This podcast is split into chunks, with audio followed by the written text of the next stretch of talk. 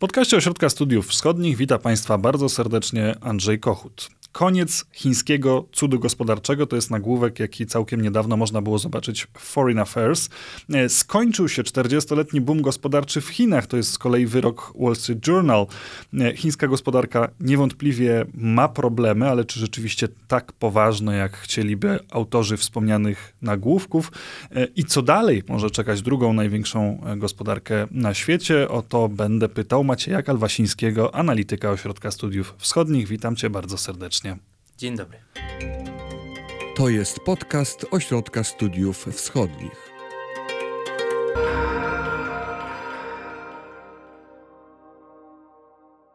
Country Garden, e, największy deweloper w Chinach w 2022 roku, nie zapłacił inwestorom kuponów do obligacji dolarowych i zabiega o odłożenie wrześniowego wykupu obligacji juanowych. To jest wydarzenie, które bardzo zaniepokoiło inwestorów w ostatnim czasie. W komentarzach prasowych pobrzmiewały nawet pytania, czy to nie jest moment na miarę upadku banku Lehman Brothers, czyli tego symbolicznego momentu, który zapoczątkował kryzys gospodarczy 2008 roku. Jak oceniać te problemy chińskiego dewelopera? Moim zdaniem Chinom nie grozi powtórzenie scenariusza Lehman Brothers, ponieważ chińskie władze zachowują kontrolę nad kluczowymi graczami w chińskim systemie finansowym. Takimi oczywiście jak bank centralny, ale także bankami e, państwowymi, które stanowią gro tego sektora. Dlatego one w awaryjnej sytuacji mogą zmusić te instytucje do odpowiedniego przekierowania pieniędzy w ramach systemu i dzięki temu można uniknąć rozlania się takiej fali kryzysowej. Natomiast sam przykład Country Garden jest o tyle istotny, że jest to kolejny symptom problemów chińskiego sektora nieruchomości. Pamiętamy przykład Evergrande sprzed dwóch lat, e, kiedy ten wówczas drugi największy deweloper w Chinach stał się niewypłacalny.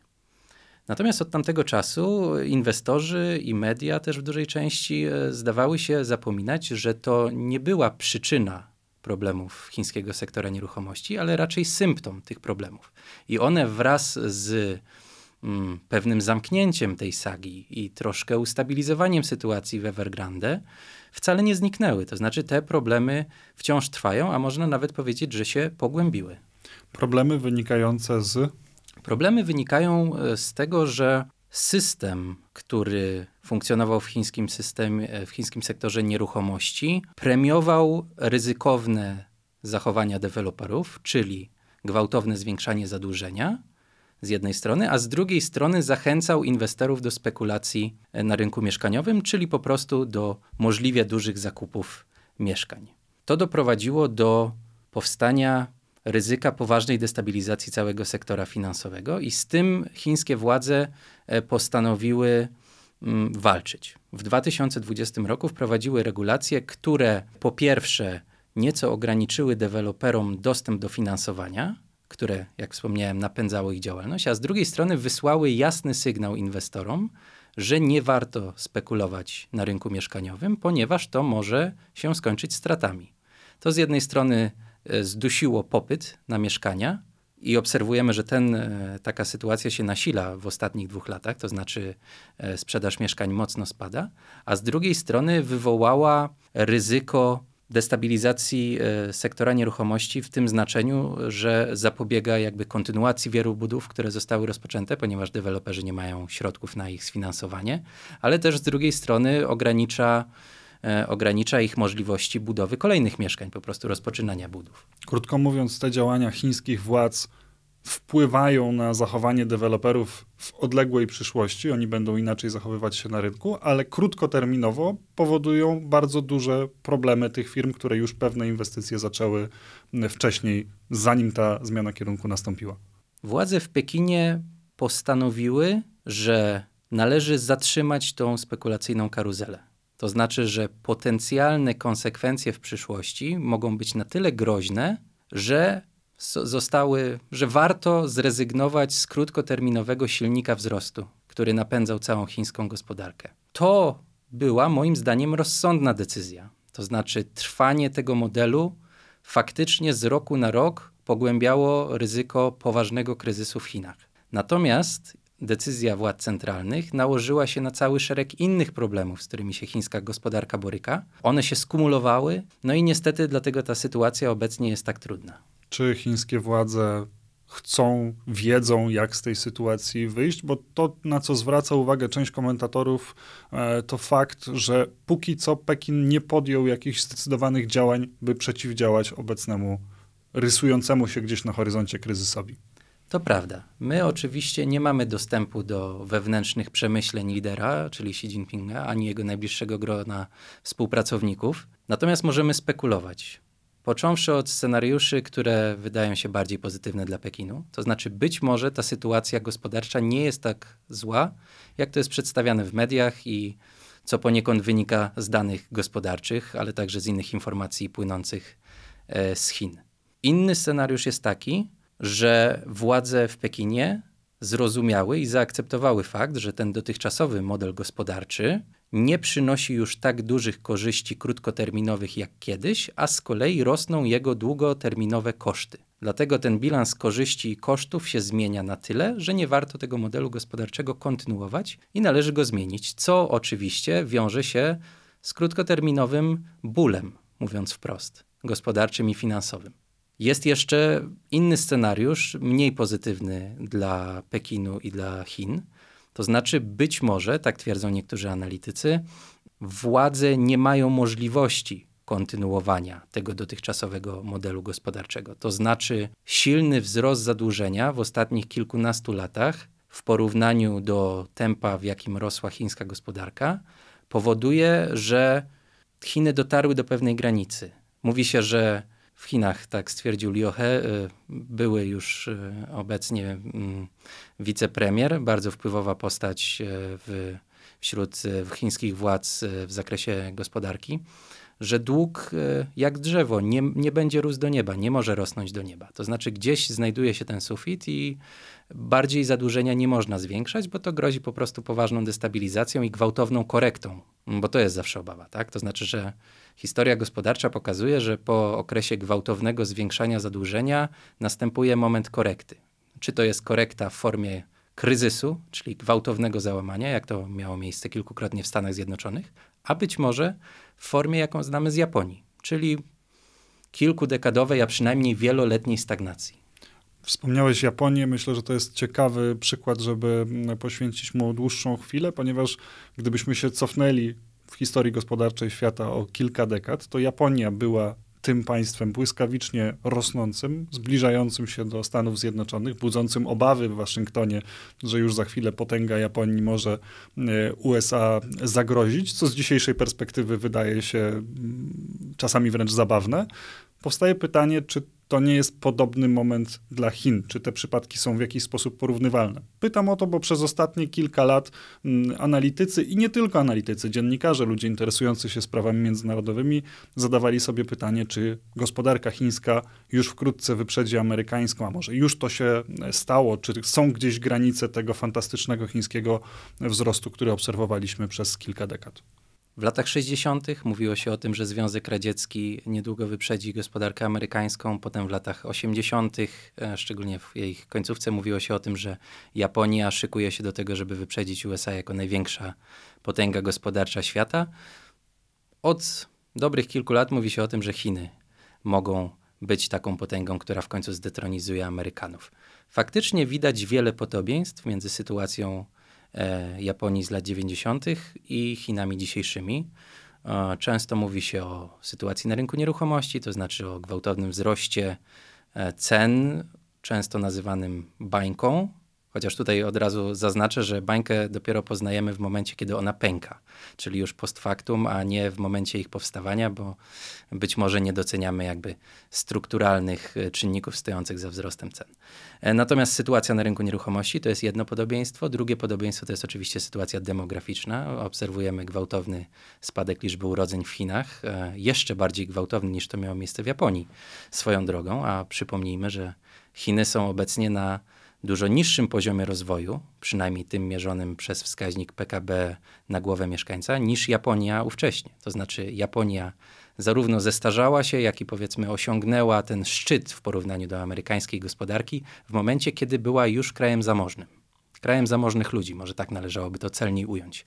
Tymczasem Chiny Jeszcze nie są krajem zamożnych są- ludzi, a już W Chinach oczywiście mieszka bardzo wielu zamożnych ludzi, e, z racji tego, że ogólnie mieszka tam bardzo wielu ludzi, bo przypomnijmy, że to jest blisko półtora miliarda e, osób. Natomiast gdyby, gdybyśmy sobie takiego przeciętnego Chińczyka e, wyodrębnili, to wciąż nie jest to osoba zamożna. Należy o tym pamiętać. Plus do tego oczywiście dochodzą pewne problemy natury metodycznej, to znaczy jak zmierzyć właściwie to bogactwo. Natomiast e, chciałbym tylko przypomnieć, że istnieją różnice między Japonią sprzed tych trzech dekad, a Chinami dzisiejszymi. E, I tutaj przede wszystkim ja bym podkreślił nie tyle różnice stricte gospodarcze, ale polityczne. To znaczy trochę inne są relacje e, japońsko-amerykańskie ówczesne, a chińsko-amerykańskie e, dzisiejsze. To znaczy oczywiście istnieje rywalizacja polityczna, nie tylko gospodarcza, ale i polityczna między Chinami a e, Stanami Zjednoczonymi, a przy tym e, politycy chińscy zachowują wciąż silną kontrolę nad gospodarką i dążą pod rządami Xi Jinpinga do tego, żeby tą kontrolę poszerzać, a nie ograniczać. Dlatego to jest istotna różnica. A do tego może jeszcze krótko na koniec wspomnę o tym, że porównując wielkości gospodarki, czy też siłę gospodarczą, zazwyczaj korzystamy ze wskaźnika PKB, a wiemy, że chińskie władze, za pośrednictwem oczywiście biura statystycznego, e, wielkością tego wskaźnika manipulowały i prawdopodobnie manipulują na różne sposoby nadal. Dlatego ja twierdzę, że jeżeli chińskie władze uznają, że e, chińska gospodarka ma przegonić amerykańską gospodarkę pod względem tego wskaźnika, to to zrobią. Natomiast e, co licząc- to będzie oznaczało w Natomiast co rzeczywistości? to będzie? Tak, tego oczywiście nie mamy pewności. Chyba lepiej dla Chin byłoby, gdyby po prostu ten wskaźnik był fałszowany na papierze, niż gdyby chińskie władze starały się e, stymulować tą aktywność gospodarczą w sztuczny sposób. Bo pamiętajmy, że to jest wskaźnik ilościowy, a nie jakościowy. Nie jest powiedziane, że zawsze wyższy PKB oznacza, że jest lepiej. Nie. Czasami to jest po prostu hmm, przyspieszenie pewnych korzyści, ale kosztem straty późniejszej. To znaczy sytuacja e, musi się zbilansować w długim okresie. Więc gdyby chińskie władze zdecydowały się, że za wszelką cenę muszą przegonić amerykańską gospodarkę pod względem wielkości i chcą to zrobić w rzeczywistości, a nie tylko na papierze, to może je bardzo drogo kosztować. Wybiegnijmy jeszcze trochę w przyszłość na koniec tej naszej rozmowy. Gdyby rzeczywiście było tak, jak chcą autorzy przytoczonych wcześniej nagłówków i zresztą nie tylko oni, że to już koniec tego fantastycznego wzrostu Chin, że model gospodarczy Chin, o czym zresztą mówiłeś, będzie ulegał jakimś przeobrażeniom, ale ten nowy model nie będzie generował aż tak dużego wzrostu, jak to miało miejsce do tej pory. Jakie będą długofalowe konsekwencje takiej zmiany dla samych Chin, ale też oczywiście dla m, całego świata, no bo Chiny w tej układance globalnej od- odgrywają olbrzymią rolę. Przede wszystkim zacznę od tego, że wiele wskazuje na to, że ten model, o którym wspominasz, już się zmienił. To znaczy teraz najwyższym priorytetem władz w Pekinie nie jest samo zwiększanie aktywności gospodarczej, ale raczej próba budowy stabilności, bezpieczeństwa i niezależności od zagranicy. Dlatego, między innymi, wydaje się, że teraz władze chińskie nie decydują się na pobudzenie wzrostu w sposób, jaki robiły to w latach minionych. Czyli krótko mówiąc, zwiększając wydatki poprzez stymulację fiskalną i monetarną. Dlaczego tego nie robią? Ponieważ ta krótkookresowa korzyść nie rekompensuje kosztów, które chińska gospodarka poniosłaby w długim terminie, a mowa tutaj konkretnie o potencjale destabilizacji, e, destabilizacji sektora finansowego czy też całej gospodarki. Dlatego trudno budować taką silną, bezpieczną twierdzę, jaką chciałyby wybudować władze w Pekinie, na kruchych fundamentach, na fundamentach, które mogą się zawalić. Stąd też e, nie decydują się na takie działanie, jak to miało miejsce w przeszłości obecnie. Chociaż oczywiście od razu zaznaczę, że nigdy nie wiemy, czy przypadkiem e, towarzysz Xi w przyszłym tygodniu nie wystąpi i nie ogłosi gwałtownej zmiany, tak jak to miało miejsce pod koniec ubiegłego roku, kiedy bardzo niespodziewanie chińskie władze mm, zdecydowały o zniesieniu strategii e, zero COVID. Natomiast jakie to będzie miało konsekwencje dla świata? Przede wszystkim nie jest powiedziane, że mniejsza aktywność gospodarcza, którą ilustruje zwalniające tempo wzrostu PKB, doprowadzi do tego, że Chiny będą słabsze jako państwo. To nie do końca tak. Bardzo trudno będzie zastąpić tak silny silnik wzrostu gospodarczego, jakim przez lata były nieruchomości. A ewidentnie to jest, to wydaje się teraz, planem Pekinu. Natomiast Chiny mogą nieco ograniczyć wzrost aktywności gospodarczej, ale skoncentrować go w wybranych przez siebie obszarach, które oczywiście, tak jak wspomniałem wcześniej, mają doprowadzić do tego, żeby Chiny były państwem silnym i możliwie samowystarczalnym i bezpiecznym. Na przykład mogą e, zwiększyć e, inwestycje w obszarach, które są narażone na amerykańskie sankcje. Widzimy ogromne wydatki e, w sektorze półprzewodników, to jest oczywiście próba uniezależnienia się od zagranicy. Więc wcale nie jest powiedziane, że nieco niższe tempo wzrostu gospodarczego z perspektywy ostatnich lat nawet niemal stagnacyjne, ponieważ pamiętamy, że w pierwszej dekadzie XXI wieku PKB Chin rósł o przeszło 10%. Więc jeżeli tempo wzrostu gospodarczego w Chinach zwolni do 2-3%, no to jest dramatyczne spowolnienie w całkiem niedługim okresie. Natomiast to wcale nie oznacza, że Chiny będą słabszym państwem. Jakie to będzie miało konsekwencje? Bardzo trudno na to pytanie odpowiedzieć. Z jednej strony świat musi się przyzwyczaić do tej myśli, że tak zwany cud gospodarczy, który obserwowaliśmy w Chinach w ostatnich dekadach, e, przeobraża się. To już nie będzie ten sam cud gospodarczy. Znaczy te czasy bardzo szybkiego wzrostu e, przeszły do przeszłości. O, teraz chińska gospodarka się zmienia i ewoluuje i świat się musi do tego dostosować. Widzimy próby mm, chińskich władz dążących do tego, żeby ograniczyć zależność od zagranicy, więc być może nie warto e, swoich strategii e, koncentrować na tym, żeby zwiększać sprzedaż do Chin bo być może Chiny, przynajmniej w zakresie tych bardziej newralgicznych produktów, będą starały się i już się starają substytuować import. Więc konsekwencje dla świata? Być może nie można aż tak silnie polegać na chińskim rynku, jak to było do tej pory. Jeżeli Chiny nie zdecydują się na stymulację w sektorze infrastruktury czy nieruchomości, to ich popyt na pewne surowce z zagranicy nie będzie rósł tak szybko. Będzie może być może nawet mniejszy. Więc z tego też sobie muszą zdać sprawę inne państwa. Natomiast to, czego można się obawiać, to to, że gdyby chińskie problemy gospodarcze się pogłębiły i trwały dłuższy czas i nie bardzo było widać wyjście z tych problemów, rozwiązanie ich, to chińscy politycy mogą się zdecydować na bardziej agresywne posunięcia na arenie międzynarodowej. I to jest duże zagrożenie. O tych i innych zagrożeniach pewnie jeszcze wielokrotnie będziemy w podcaście Ośrodka Studiów Wschodnich rozmawiali. Dzisiaj gościem podcastu był Maciej Kalwasiński. Bardzo Ci dziękuję za tą rozmowę. Dziękuję bardzo. Państwa zachęcam do sprawdzenia naszej strony internetowej, gdzie regularnie pojawiają się nowe analizy analityków ośrodka. E, również nasz kanał na YouTubie, gdzie pojawiają się produkcje filmowe i także kanał anglojęzyczny, który od jakiegoś czasu prowadzimy, gdzie pojawiają się materiały w tym właśnie języku. Ja nazywam się Andrzej Kochut. Do usłyszenia.